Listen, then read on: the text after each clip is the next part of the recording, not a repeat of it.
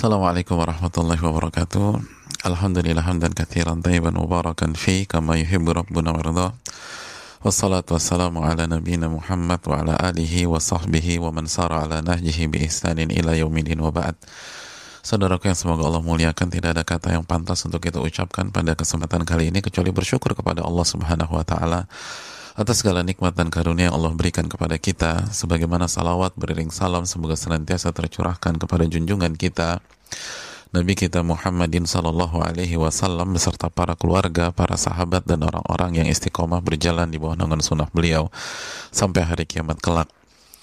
Dan saudaraku yang semoga Allah muliakan, kita meminta kepada Allah Subhanahu Wa Taala ilmu yang ilmu yang bermanfaat dan semoga kita dilindungi dari ilmu yang tidak bermanfaat. Allahumma inna nas'aluka ilman nafi'a wa na'udzubika min ilmin la yanfa'. Ya Allah, kita meminta kepada Engkau ilmu yang bermanfaat dan lindungilah kami dari ilmu-ilmu yang tidak bermanfaat.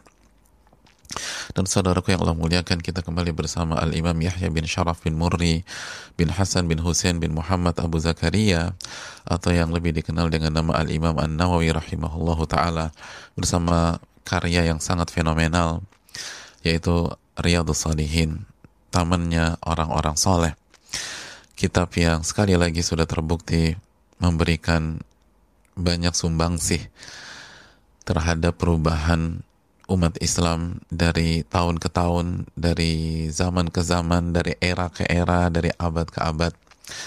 Dan ini adalah taufik dari Allah Subhanahu wa taala melalui kitab ini dan ini menunjukkan bagaimana pengaruhnya Al-Imam An-Nawawi dalam dunia Islam sampai hari ini dan insya Allah sampai masa-masa yang akan datang. Oleh karena itu bersyukurlah kita ketika Allah memberikan kesempatan kepada kita untuk mengkaji kitab ini uh, dan menjadi bagian dari keberkahan kitab Riyadus Salihin dan menjadi bagian dari pahala Al-Imam An-Nawawi rahimahullah ta'ala. Semoga Allah merahmati beliau, orang tua beliau dan seluruh orang yang beliau cintai dan seluruh umat Islam di mana pun mereka berada sebagaimana nasihat Imam Nawawi kepada kita semua di mukaddimah uh, kitab Riyadus Salihin ini. Dan saudaraku yang semoga Allah muliakan kita masih bersama cerita yang sangat panjang. Namun setiap penggalan dari kisah ini memiliki makna yang sangat dalam. Kaya akan hikmah yang sangat besar yaitu kisah Ka'ab bin Malik radhiyallahu taalaan seseorang yang melakukan kesalahan, melakukan blunder, tapi ia berusaha bangkit dan akhirnya menjadi pahlawan di akhir cerita. Bagaimana ceritanya? Semoga Allah memberikan taufik kepada kita untuk mengkaji dari episode ke episode, uh, dari seri ke seri, dan sampai kita selesaikan cerita ini dan kita bukan hanya mendengarkan cerita tapi mendapatkan hikmah dan ilmu dan pelajaran kehidupan dari Ka'ab bin Malik radhiyallahu taala anhu. Hadirin Allah muliakan. Seseorang yang tidak ikut perang Tabuk padahal ia punya seluruh faktor duniawi dan seluruh faktor teknis untuk berangkat berjuang bersama Nabi Shallallahu alaihi wasallam tapi beliau melakukan kesalahan. Beliau mengandalkan diri beliau sendiri, pengalaman beliau, kemampuan beliau. Sebagaimana ucapan beliau sendiri, kalau aku mau, aku bisa melakukan ini dengan segera. Sedangkan seorang hamba seharusnya mengaitkan kemampuan dan kekuatan kepada Allah Subhanahu wa taala, Al-Qawi, yang Maha Kuat, Ar-Rahman Ar-Rahim, yang Maha Pengasih lagi Maha Penyayang. Dan akhirnya beliau tertinggal. Dan beliau tidak mengejar sama sekali. Padahal kesempatan itu mungkin. Kesempatan itu masih terbuka sampai Nabi SAW berada di Tabuk. Dan menghabiskan belasan hari di Tabuk. Tapi itu pun tidak dijadikan kesempatan dan tidak dijadikan momentum bagi Ka'ab bin Malik sampai Nabi SAW pulang dari Tabuk ke kota Madinah setelah belasan hari berada di Tabuk lalu timbullah kegalauan ketika Ka'ab mendengar hal tersebut. Beliau dirundung kesedihan yang sangat dalam. Dan di waktu yang sama beliau dirundung kegalauan. Apa yang harus saya katakan di hadapan sang Nabi Shallallahu Alaihi Wasallam? Lalu mulailah bisikan-bisikan syaitan mengarahkan beliau untuk berbohong di hadapan Nabi SAW padahal beliau dan beliau punya kemampuan untuk itu. Beliau orang yang sangat jago dalam bicara. Lalu beliau bermusyawarah dengan orang-orang yang matang, yang bijak, yang berilmu, dan sampai pada satu kesimpulan, saya harus jujur di hadapan Nabi Shallallahu Alaihi Wasallam. Maka tibalah hari H, di mana hari kepulangan Rasul Sallallahu Alaihi Wasallam, hari yang sangat mendembarkan bagi orang-orang yang melakukan kesalahan seperti Kaab bin Malik. Lalu di hari itu Nabi pulang, lalu Nabi ke masjid, beliau sholat dua rakaat, sebagaimana sunnah beliau sallallahu wasallam setiap setelah atau ketika pulang safar beliau mampir ke masjid dulu untuk mengerjakan dua rakaat sebelum beliau menjalani aktivitas uh, di uh, kota Madinah. Dan saudaraku yang Allah muliakan setelah beliau sholat manusia mendatangi Nabi Wasallam lalu satu demi satu orang munafik menghadap dan memberikan alasan palsu mereka. Semuanya tentang kebohongan semuanya kepalsuan tapi yang menarik bagaimana Nabi merespon. Nabi menerima, Nabi tidak marah kepada mereka, lalu Nabi meminta uh, meminta janji setia dan Nabi ampuni dan maafkan dan bukan hanya itu, Nabi beristighfar untuk mereka. Seluruh 80-an orang itu selamat. Tidak ada omelan, tidak ada amarah, dan yang ada adalah ampunan dan istighfar dari sang Nabi Shallallahu Alaihi Wasallam. Maka tiba giliran Kaab bin Malik dan kita sudah bayangkan bagaimana jika kita ada di posisi beliau. Semakin kalut, semakin deg-degan, semakin perang batin antara kebohongan dan kejujuran. Tapi Allah memberikan taufik dan kekuatan kepada Kaab untuk melakukan hal yang tepat, yaitu jujur di hadapan Rasulullah Wasallam. Dan lihat bagaimana argumentasi Kaab untuk memilih kejujuran. Apabila aku berbohong, Aku bisa dan aku punya kemampuan untuk itu. Dan mungkin engkau ridho wahai Rasul sallallahu tapi aku khawatir Allah akan membuat engkau murka kepada diriku dalam jangka waktu yang tidak lama. Mungkin engkau tidak tahu, tapi Allah tahu. Mungkin engkau bisa ridho, tapi Allah nggak ridho. Karena aku berbohong. Mungkin engkau bisa uh, senang ketika melihat aku beralasan, padahal itu sebuah kebohongan. Tapi Allah tidak mungkin senang dengan kebodohan. Bagaimana iman bermain di sana? Bagaimana keyakinan bahwa Allah Maha melihat, Allah Maha mengetahui, Allah Maha mendengar. Itu bergabung menjadi satu di dalam dada seorang hamba yang bersalah. Betul, itu sangat berat. Tapi iman mengalahkan segalanya. Iman menguatkan seorang hamba agar tidak terjatuh ke lubang dosa berikut yang lebih fatal. Oleh karena itu, beliau pun melanjutkan dan dan jika aku jujur, mungkin engkau akan marah mungkin aku dapat ah, dapat hukuman tapi aku berharap endingnya akan baik akhirnya akan indah dan semoga aku bisa istiqomah di atas keindahan tersebut Ya Rasul, maka nalimin udhr. Saya tidak punya alasan yang bisa diterima oleh syariat sama sekali. Saya dalam kondisi kuat, saya dalam kondisi lapang, saya punya dua tunggangan. Tidak ada alasan yang dibenarkan oleh agama, dibenarkan oleh engkau untuk saya gunakan ketika saya tidak ikut perang tabuk. Hadirin yang Allah muliakan, maka apa respon Nabi SAW? Amma hadha faqad sadaq. Adapun Kaab, dia telah jujur. Allahu Akbar. Kata para ulama, tidak ada kebanggaan melebihi hal ini bagi seorang hamba. Tidak ada kebanggaan kecuali hal ini bagi seorang umat amma hadha faqad sadaq. Adapun orang ini dia telah jujur. Fakum hatta yaqdiyallahu fik. Maka bangkitlah. Nanti kita lihat apa yang Allah putuskan untuk engkau ya Ka'ab. Tapi tidak ada istighfar. Tidak ada kata-kata saya ampuni. Tidak ada dan tidak ada. Hadirin yang Allah muliakan. Kaab hanya mengat, hanya diperintah untuk pulang untuk beranjak dan kita tunggu apa keputusan dari Allah Subhanahu wa taala. Memang ada sedikit perbedaan. Sedikit perbedaan antara respon Nabi SAW dengan dengan Kaab dan orang-orang munafik. Ketika menghadapi orang munafik Nabi tidak marah. Tapi dia ketika berhadapan dengan Kaab, Nabi tersenyum dengan senyuman orang yang marah. Nabi tunjukkan hal tersebut. Tapi itulah Nabi kita sallallahu alaihi wasallam. Nabi marah bukan emosi Nabi marah bukan benci. Nabi marah, marah mendidik, marah sayang. Dan Nabi tahu bagaimana harus bersikap. Nabi tahu peta. Nabi tahu apakah orang ini efektif untuk dimarahi atau tidak efektif. Apakah orang ini bisa berubah dengan dimarahi atau tidak bisa berubah. Orang yang tidak bisa berubah atau sulit untuk berubah jika dimarahi maka jadi marahi. Kita hanya buang-buang waktu. Maka Nabi tidak tidak mau membuang energinya kepada orang-orang munafik. Orang munafik yang munafik. Munafik adalah munafik. Mau dimarahin juga nggak ada fungsinya dan bisa menimbulkan respon kontraproduktif dan akan membuat PR besar nanti lainnya. Maka Nabi bersikap sebagai orang yang sangat bijak. Beda dengan kita. Kita marah tuh karena emosi. Kita marah karena kesal. Adapun efek dari amarah kita, efek dari kekesalan kita, kita nggak pikirkan. Yang penting marah dulu hari ini. Yang penting uh, nyerang dulu detik ini. Adapun hasilnya itu nanti aja. Nabi tidak Shallallahu Alaihi Wasallam. Nabi tahu siapa yang bisa dimarahi, siapa yang tidak. Siapa yang kalau dimarahi positif, siapa yang tidak. Dan marah beliau itu seperti senyum beliau. Punya tujuan. Tujuannya untuk membuat orang lebih bertakwa, membuat orang berubah, membuat orang lebih soleh, membuat orang lebih uh, memperbaiki kesalahannya. Dan itulah pendidik sejati di dalam diri sang Nabi Shallallahu Alaihi Wasallam. Tapi Nabi memberikan clue kepada Ka'ab bin Malik. Amma hadha faqad sadaq. Adapun Ka'ab, dia telah jujur. Betul, tidak ada senyuman. Kecuali senyuman orang yang marah. Tidak ada eh, kalimat-kalimat uh, menenangkan. Nabi hanya mengatakan, Kum hatta Allahu fik.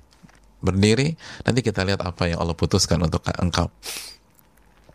Tapi statement Nabi, engkau jujur itu menunjukkan Nabi tahu peta. Dan itu kebanggaan itu pride bagi seorang hamba bagi seorang umat diakui oleh nabinya sallallahu wasallam. Dan dihargai oleh nabinya sallallahu wasallam.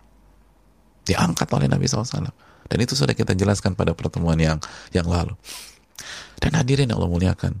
Dan Nabi memberikan pesan bahwa kalau engkau dihukum itu bukan dari saya tapi dari Allah Subhanahu wa taala Makanya hatta Allahu fik. Kita tunggu apa yang Allah putuskan terhadap kamu. Ini bukan dari saya. Ini dari Allah Subhanahu wa taala. Dan ingin mengajarkan para sahabatnya untuk bersikap objektif dalam setiap hal. Betul, keputusan kebijakan yang tidak diata, eh, kebijakan beliau lah yang tidak ditaati oleh Kaab. Perintah beliau lah yang tidak ditaati oleh Kaab. Eh, arahan beliau lah yang tidak ditaati oleh Kaab. Tapi menghukum bukan kapasitas beliau ini adalah dikembalikan kepada Allah Subhanahu wa taala dan saya hanya rasul. Saya hanya utusan.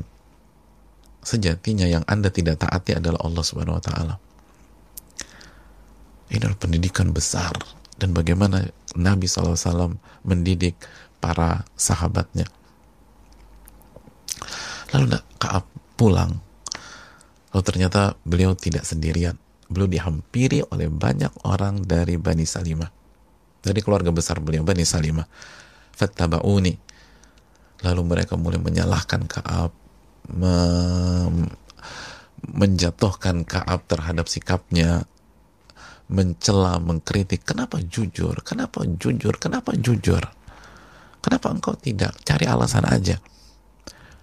Oke cari alasan dosa tapi bukankah 80-an orang tersebut diistighfari oleh Nabi SAW. Artinya Nabi memohonkan ampun untuk mereka. Ya udah kan selesai. Yang kita takutkan dari kesalahan apa sih? Dosa. Dosa itu penghapusnya apa? Istighfar.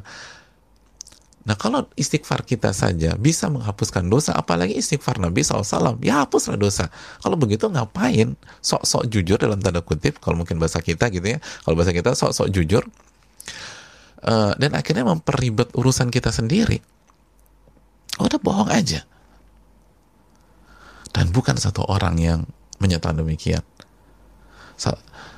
kalau kita bayangkan diri kita gitu ya ada dua orang di sebelah atau dua tiga empat orang di sebelah kanan kita atau lalu ada tiga empat lima orang di sebelah kiri kita lalu di belakang kita ada lima orang lagi atau misalnya di depan kita ada beberapa orang dan semuanya menyalahkan kita. Kenapa sih jujur? Kenapa sih jujur? Kau juga nggak pernah melakukan kesalahan kok. Allah dan Rasulnya ngerti kok. Track record engkau tuh bagus. Kau selalu ikut berjuang bersama Nabi SAW ini miss kecil. Udah alasan aja dan terus ditekan, ditekan, ditekan, ditekan, ditekan. Sampai aku ingin untuk kembali ke Rasul Sallallahu Alaihi Wasallam. Nafsi. Lalu aku revisi alasanku sebelumnya. Lalu aku kasih alasan palsu. Sebuah hembusan dari syaitan yang penuh dengan kekonyolan jamaah. Allahu Akbar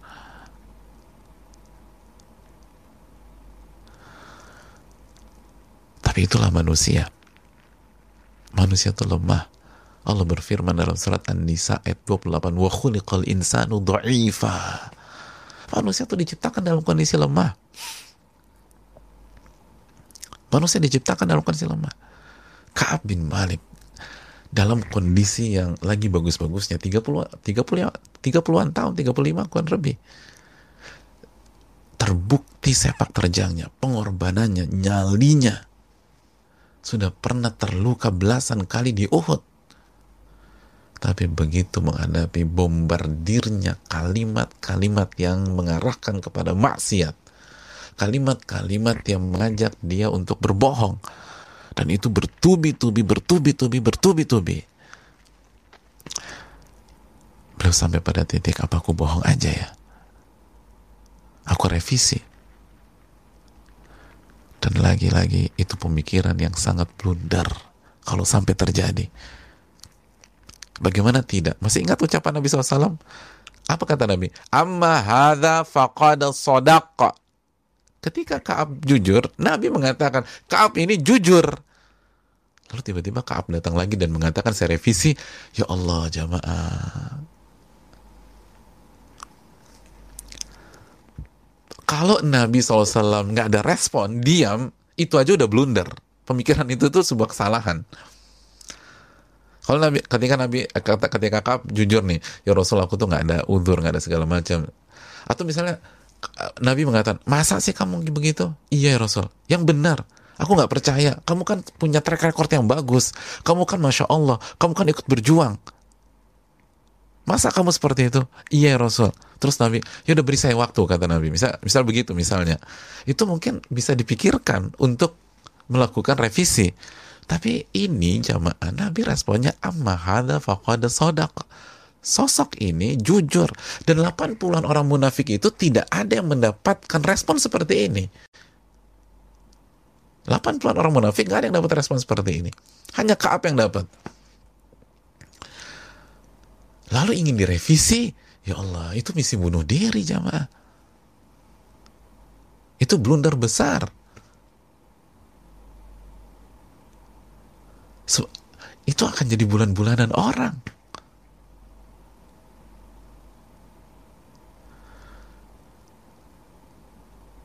Dan itulah bahaya teman-teman yang buruk sebagaimana kita katakan. Mereka nggak peduli sama kita. Yang penting kita jatuh kepada maksiat. Teman-teman yang buruk itu yang penting kita jatuh maksiat.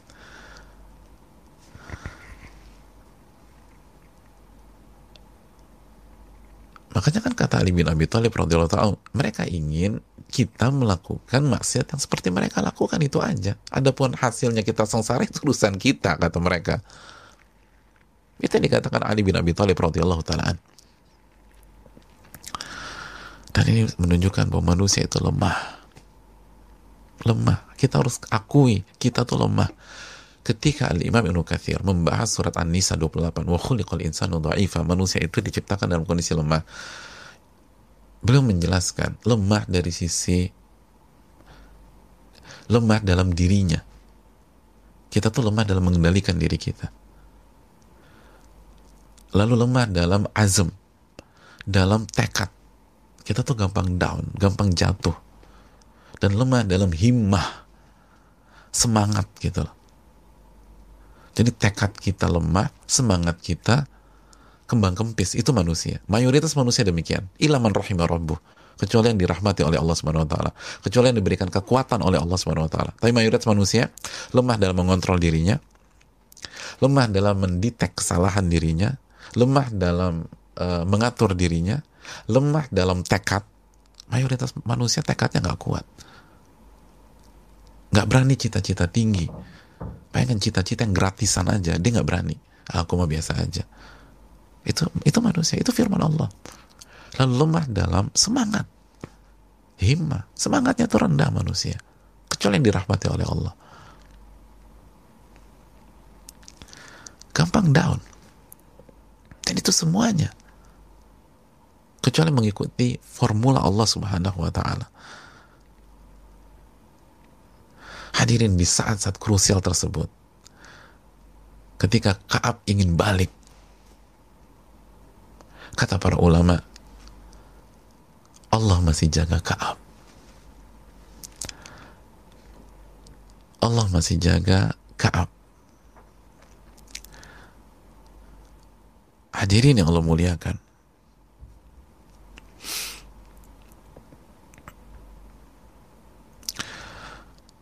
Allah Subhanahu wa taala melihat kejujuran dalam diri Ka'ab.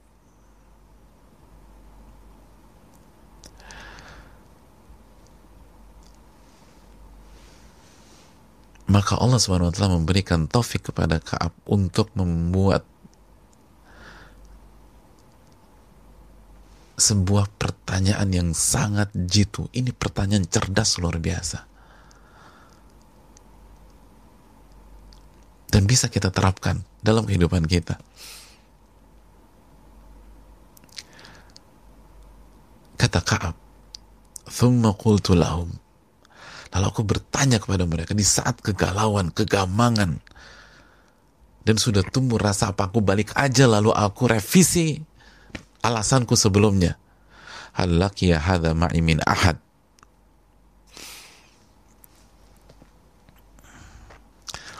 Saya mau tanya sama kalian. Apakah ada orang lain selainku yang mengalami seperti yang aku alami?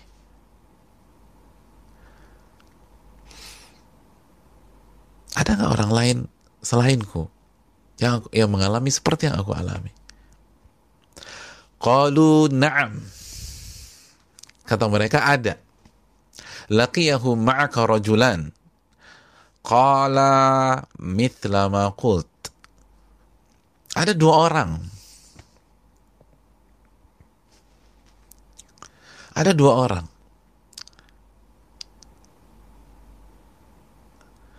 Yang mengalami apa yang kau alami dan menyampaikan apa yang kau sampaikan. Tidak ada uzur, tidak berbohong, menyampaikan apa adanya. Bahwa kami tidak ikut tanpa ada alasan syar'i.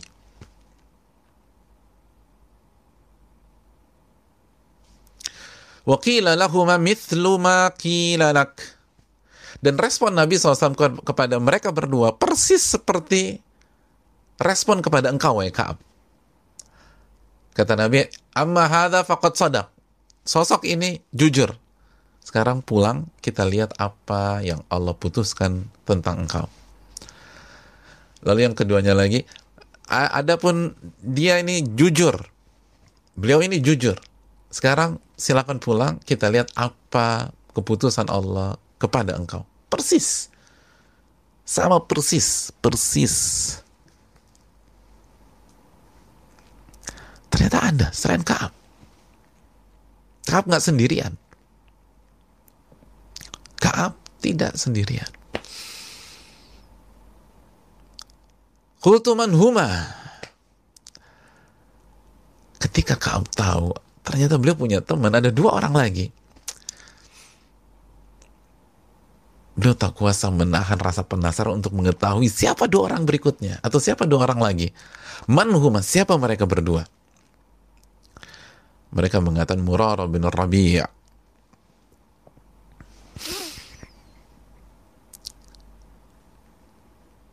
Murarah bin Rabi'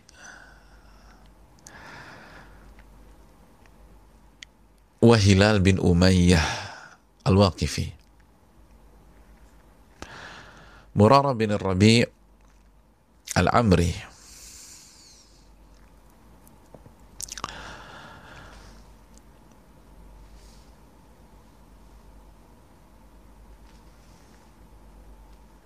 Dalam hadis Muslim Murara bin Rabi'ah.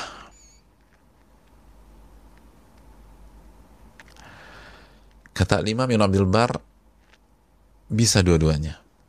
Murara bin Rabi'ah atau Murara bin Rabi'ah.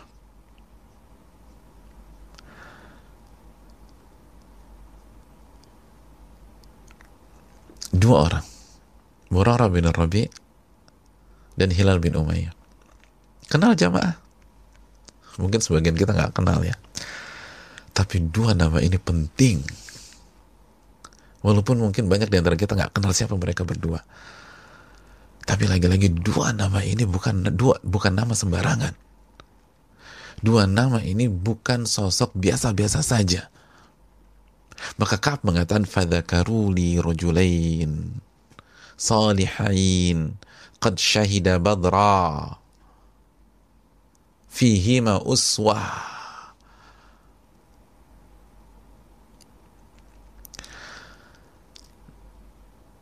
yang mereka sampaikan kepada aku adalah dua sosok orang-orang soleh.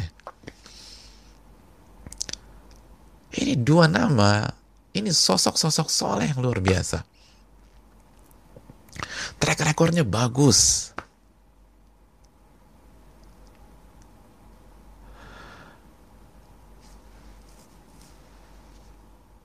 Murarah dan Hilal adalah dua sahabat Nabi SAW yang soleh, soleh, bukan munafik. Orang soleh. Dan senior senior.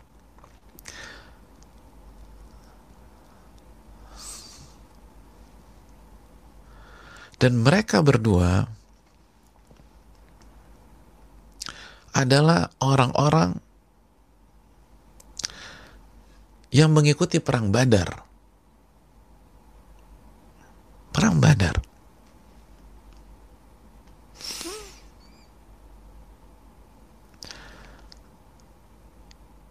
baik Murarah dan Hilal itu mengikuti perang Badar.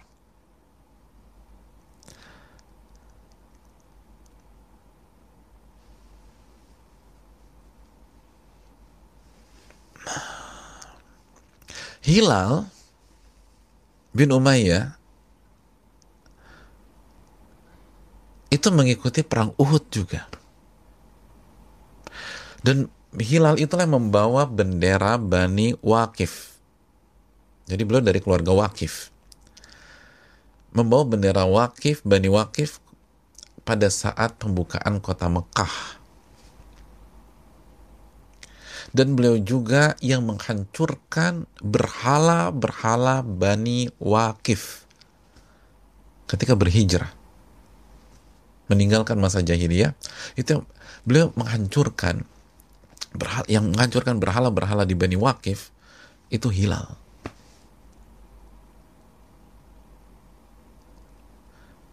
radhiyallahu taalaan. Jadi dua nama besar ini track recordnya tuh bagus. Track recordnya bagus. Luar biasa.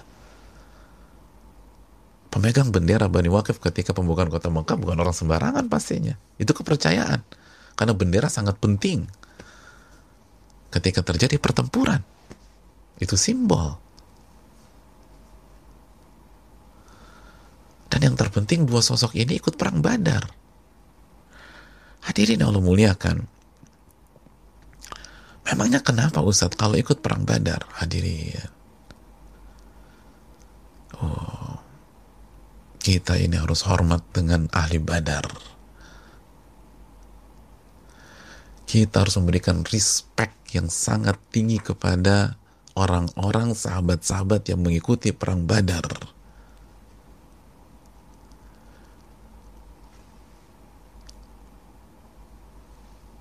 Nabi SAW bersabda, La'allallaha ittala ala ahli badar.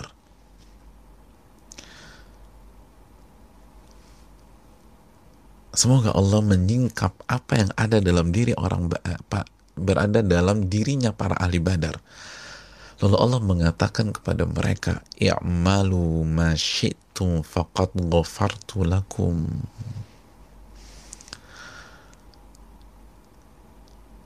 Lalu Allah mengatakan kepada ahli badar, lakukan apa pun yang kalian inginkan. Aku telah mengampuni dan memaafkan kalian. Subhanallah.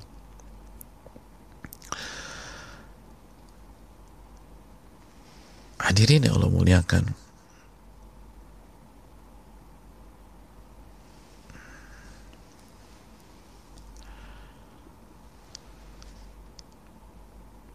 Allah sudah ampuni kalian di akhirat.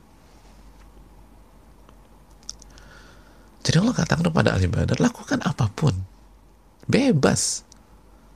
Aku telah ampuni kalian. Ya Allah, dipersilahkan lakukan apa pun. Dipersilahkan jemaah, lakukan apa pun. Kami telah ampuni kalian. Kata ulama dijelaskan Imam Nawawi dalam syarah Muslim, Al-Ghufran lahum fil akhirah. Allah telah ampuni mereka di akhirat. Jadi saking kuatnya keimanan ahli badar, itu Allah persilahkan. Dan benar, tidak ada yang mau melewati batasan-batasan Allah Subhanahu wa taala walaupun sudah dipersilahkan. Enggak itu menunjukkan memang spesial ahli badar pintunya udah dibuka. Silakan lakukan apa yang kalian inginkan. Kan udah diampuni. Tetap aja orang pada jaga.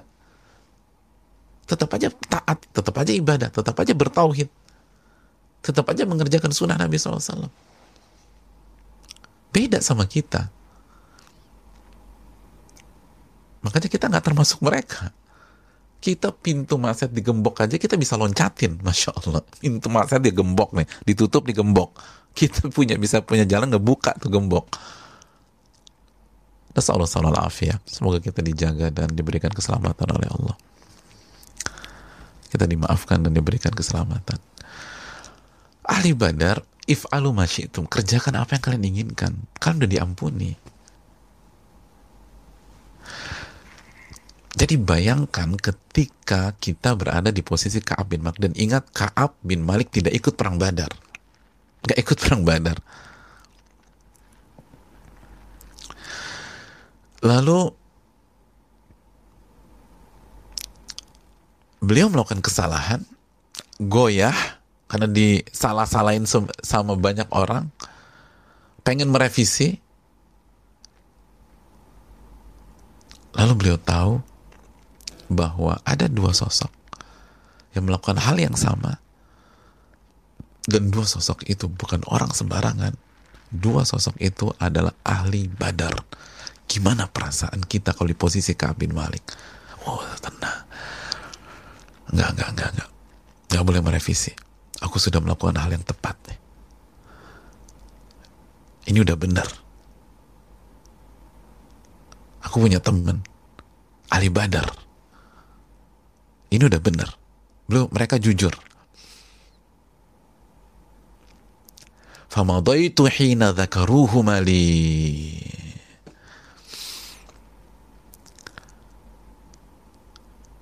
Maka aku mantap berada di atas kejujuranku ketika mereka menyebutkan dua nama tersebut kepada aku.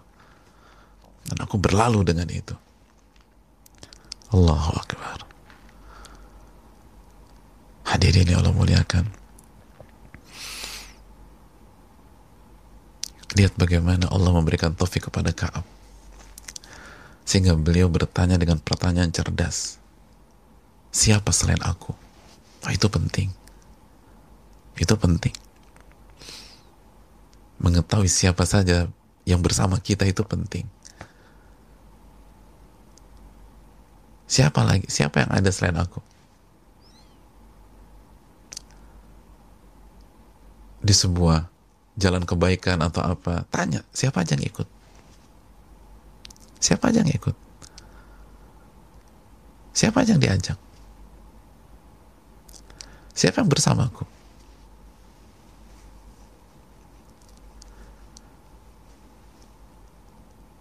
Ini bisa kita kembangkan dan ini ilmu kehidupan dalam berbagai macam bidang. Kita lihat siapa yang ikut nih.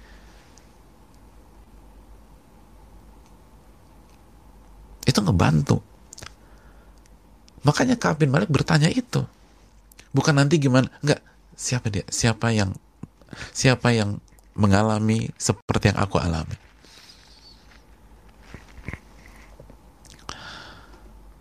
Hadirin yang Allah muliakan. Ini hal yang sangat penting. Dan ini menunjukkan taufik dari Allah Subhanahu wa taala kepada Ka'ab bin Malik. Lalu yang kedua, Ka'ab bin Malik mengerti Beliau cerdas. Beliau nggak asal nanya. Beliau nggak asal nanya. Di saat-saat gamang, di saat-saat galauan, salah saat untuk membuat keputusan maju mundur, maju mundur, maju mundur, maju mundur untuk sebuah hal, untuk sebuah kerjaan misalnya, atau untuk sebuah misi, atau untuk sebuah uh, tim atau kelompok dan seterusnya, siapa aja yang ikut?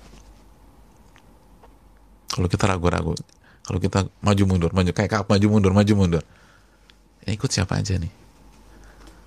ketika ini katanya ikut si A, si B, si C dan track recordnya bagus semua. Orang-orang jujur orang-orang punya skill orang-orang baik orang-orang tulus saya ikut.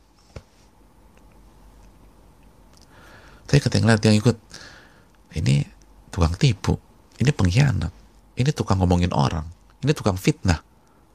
Ah, itu hati-hati jemaah uh, kayaknya saya yang lain aja ya. Gitu. Atau diajak bisnis misalnya. Mau join nggak? Tanya siapa aja main? Ketika lihat ini ahli tahajud ini jujur ini jaga puasa Nabi Daud ini segala macam. Ah aneh ikut deh. Ngerti nggak? Nggak tapi ini jago-jago kan aneh ikut deh. Itu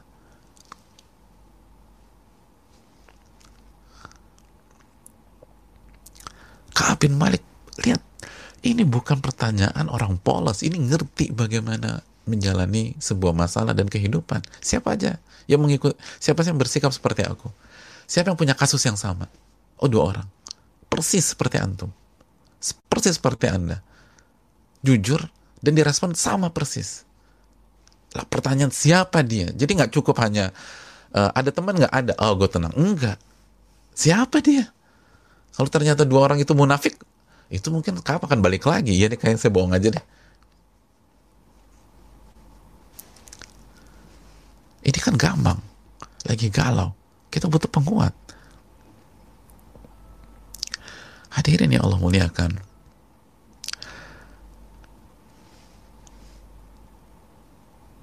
Ternyata yang kasus yang sama adalah dua ahli badar. Maka Kaab tidak ragu-ragu untuk mengikuti dan mempertahankan prinsipnya. Itu penting hadirin. Dalam banyak bidang. Kita mau diajak kerjasama, kita mau diajak bisnis, kita mau diajak ini. Atau kita diajak ada proyek dakwah, atau ada segala macam. Diajak kerja sosial dan seterusnya. Siapa aja timnya nih? Kalau kita ragu-ragu. Kalau kita masih maju mundur, siapa aja? Si A, jujur. Si B, amanat. Si C hatinya baik. Si D ini ahli tahajud anda tahu banget. Ini si D ini puasanya Nabi Daud. Ini ini puasa Senin Kamis nggak pernah putus. Si E nggak pernah ngomongin orang. Si D dia rela berkorban. Ah anda ikut nih. Tapi kalau udah ya Allah ini jelek-jelek semua. Aduh nggak nggak nggak nggak itu pelajaran besar jamaah yang diajarkan Ka'ab bin Malik. Lalu dari sini juga kita mendapatkan keberkahan teman yang baik. Sebagaimana dijelaskan Al-Imam Muhammad bin Salih Uthaymin ketika menjelaskan hal ini, kata beliau, yuqayyidullah lil insani ma yaj'aluhu yada'u syar iktidaan bi ghairi wa ta'assiyan bih. Salah satu cara Allah Subhanahu wa taala membuat seorang hambanya menjauhi hal yang buruk adalah dengan membuat hambanya terinspirasi dengan orang lain dan mengikuti orang lain tersebut.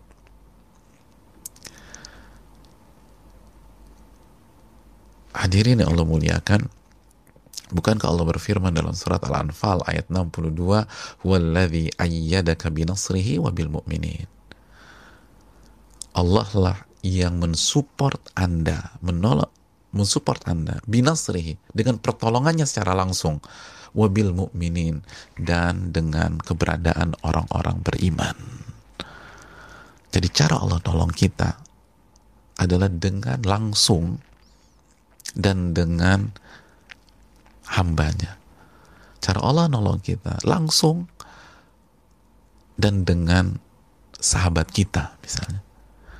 Langsung dan dengan guru kita misalnya. Langsung dan dengan kakak kita atau adik kita atau orang tua kita. Secara orang-orang yang beriman. Huwaladzi ayyadaka binasri wabil mu'minin. Cara Allah nolong kita langsung atau dengan suami kita. Suami kita yang support kita segala macam. Atau istri kita. Istri kita yang ngarahin, ngedoain kita siang malam. Ada yang ditolong dengan gurunya. Gurunya nggak ngajarin, ngejelasin, ngenegur, kasih masukan, kasih motivasi. Huwaladzi ayyadaka binasri wa binasri wa bil mu'minin. Hadirin Allah muliakan. Lihat Ka'ab bin Malik, mantep. Setelah karena taufik dari Allah, berikutnya Murarah dan Hilal radhiyallahu taala anhuma. Orang soleh. Ahli Badar, ikut perjuangan di perang Badar. Dan fihi ma uswah, lihat, fihi ma uswah. Ini teladan. Mereka berdua senior, teladan keteladanannya sudah dira tidak diragukan lagi. Mantap. Ini keberkahan. Teman yang baik, teman yang soleh. Sikapnya itu menginspirasi kita. Tindakannya membuat kita belajar. Amalannya memotivasi dan menginspirasi. Makanya itu kan dikatakan para ulama para ulama klasik kita. Siapa teman Anda? Mentudzakirukumullah ru'yatu. Yang apabila engkau melihat dia, engkau mengingat Allah. Wa yazidu fi amalikum mantiku. Yang apabila dia bicara, engkau jadi termotivasi untuk menambah amalmu. Menambah amal. Kalau dia bicara, kasih semangat, kasih spirit. Kalau ini, itu positif dan kita pengen beramal wa yuragibukum fil akhir amalu. Dan dengan melihat amalannya, sikapnya, tindakannya, kita jadi mencintai akhirat. Makanya jamaah sekalian, di samping kita harus cari teman yang soleh, sahabat yang soleh, kita pun juga harus berusaha memperbaiki kesalahan kita. Lihat bagaimana kejujuran itu berkah amal soleh itu berkah ibadah itu berkah. Murarah radhiyallahu taala hilal radhiyallahu ketika jujur rasanya mereka tidak pernah berpikir bahwa kejujuran mereka menginspirasi Ka'ab bin Malik. Itu poin. Murara dan Hilal radhiyallahu taala hanya pada dasarnya kan kalau polos-polosan hanya melakukan apa yang harus mereka lakukan. Jujur, jujur. Hadapi semua resiko, hadapi semua resiko. Yang penting saya jujur. Apakah mereka berpikir bahwa ini akan menginspirasi ke Abin Malik? Tidak ada riwayat ke arah sana. Dengan keterbatasan ilmu saya tapi kejujuran mereka setelah taufik dari Allah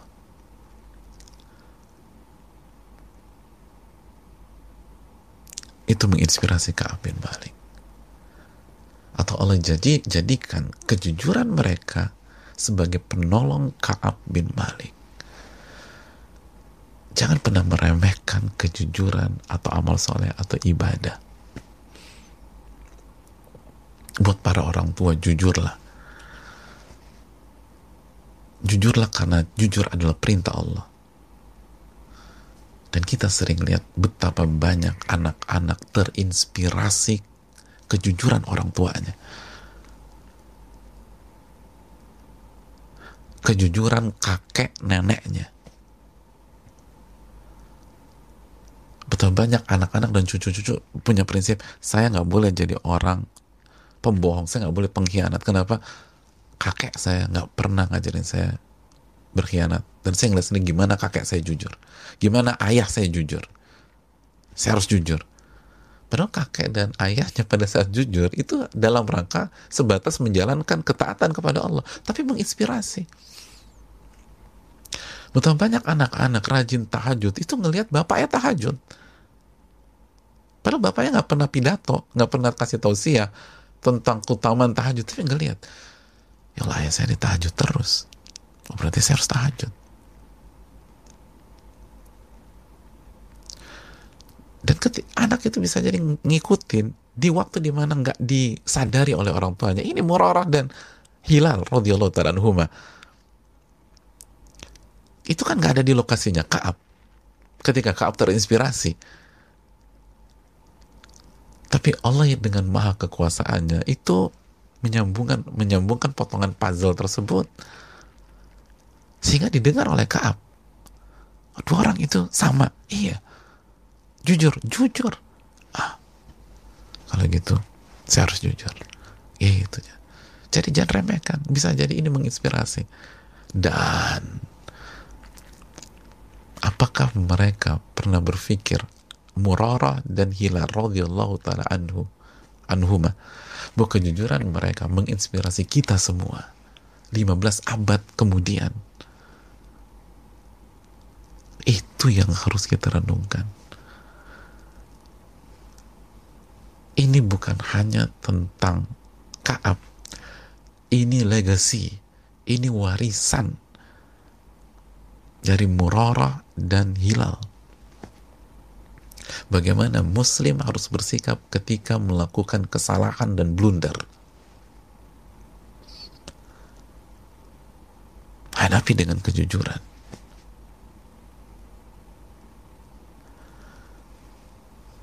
Lihat berkahnya orang-orang soleh dan orang-orang baik itu luar biasa.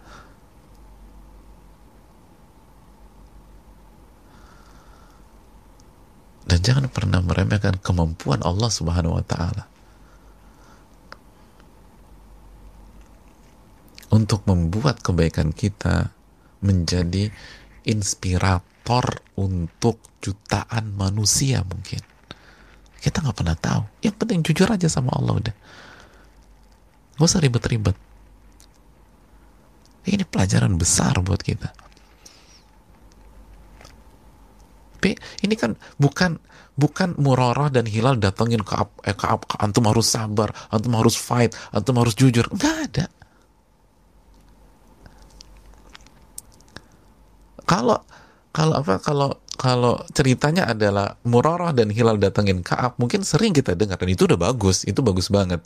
Tapi cerita ini enggak. Murarahnya di mana, Hilalnya di mana, Kaabnya di mana. Tapi Kaab terinspirasi dengan mereka berdua itu keberkahan sahabat yang soleh. Keberkahan orang yang soleh itu begitu. Seringkali mereka nggak perlu bicara kasih nasihat. Orang udah terinspirasi duluan.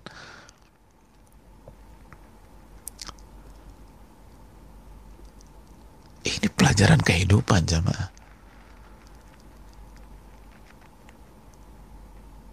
Dan lihat orang-orang soleh ya mereka bisa menginspirasi banyak pihak bukan hanya ketika mereka berprestasi tapi juga ketika mereka melakukan kesalahan. Lalu mereka merespon kesalahan dengan tepat. Oh itu dalam. Orang-orang soleh orang-orang baik itu bukan hanya menginspirasi dengan prestasi tapi juga ketika mereka melakukan kesalahan. Apa maksudnya? Dengan merespon kesalahan itu dengan benar, dengan jujur, dengan mencari wajah Allah.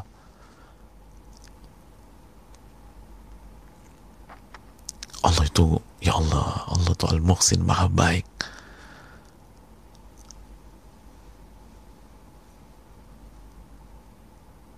Allah membuat seseorang itu bersinar bukan hanya kan pada saat mereka berada di atas. Membuat sebuah hal besar. Tapi Allah mampu membuat seseorang itu bersinar ketika dia terjatuh. Melakukan kekeliruan melakukan blunder melakukan mem, melakukan kesalahan. Lalu Allah bantu dia untuk bersikap tepat dalam menghadapi kesalahan-kesalahan tersebut dan akhirnya dia menginspirasi banyak orang. Dan itu pahala pahala pahala. Amal jariah amal jariah amal jariah. Warisan warisan warisan di hari kiamat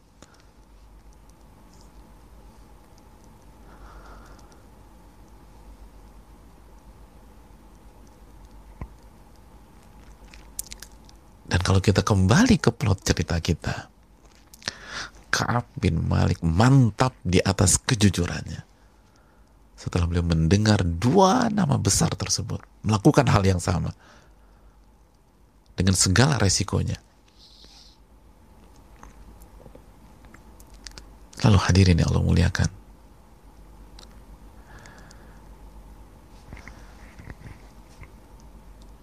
Selanjutnya,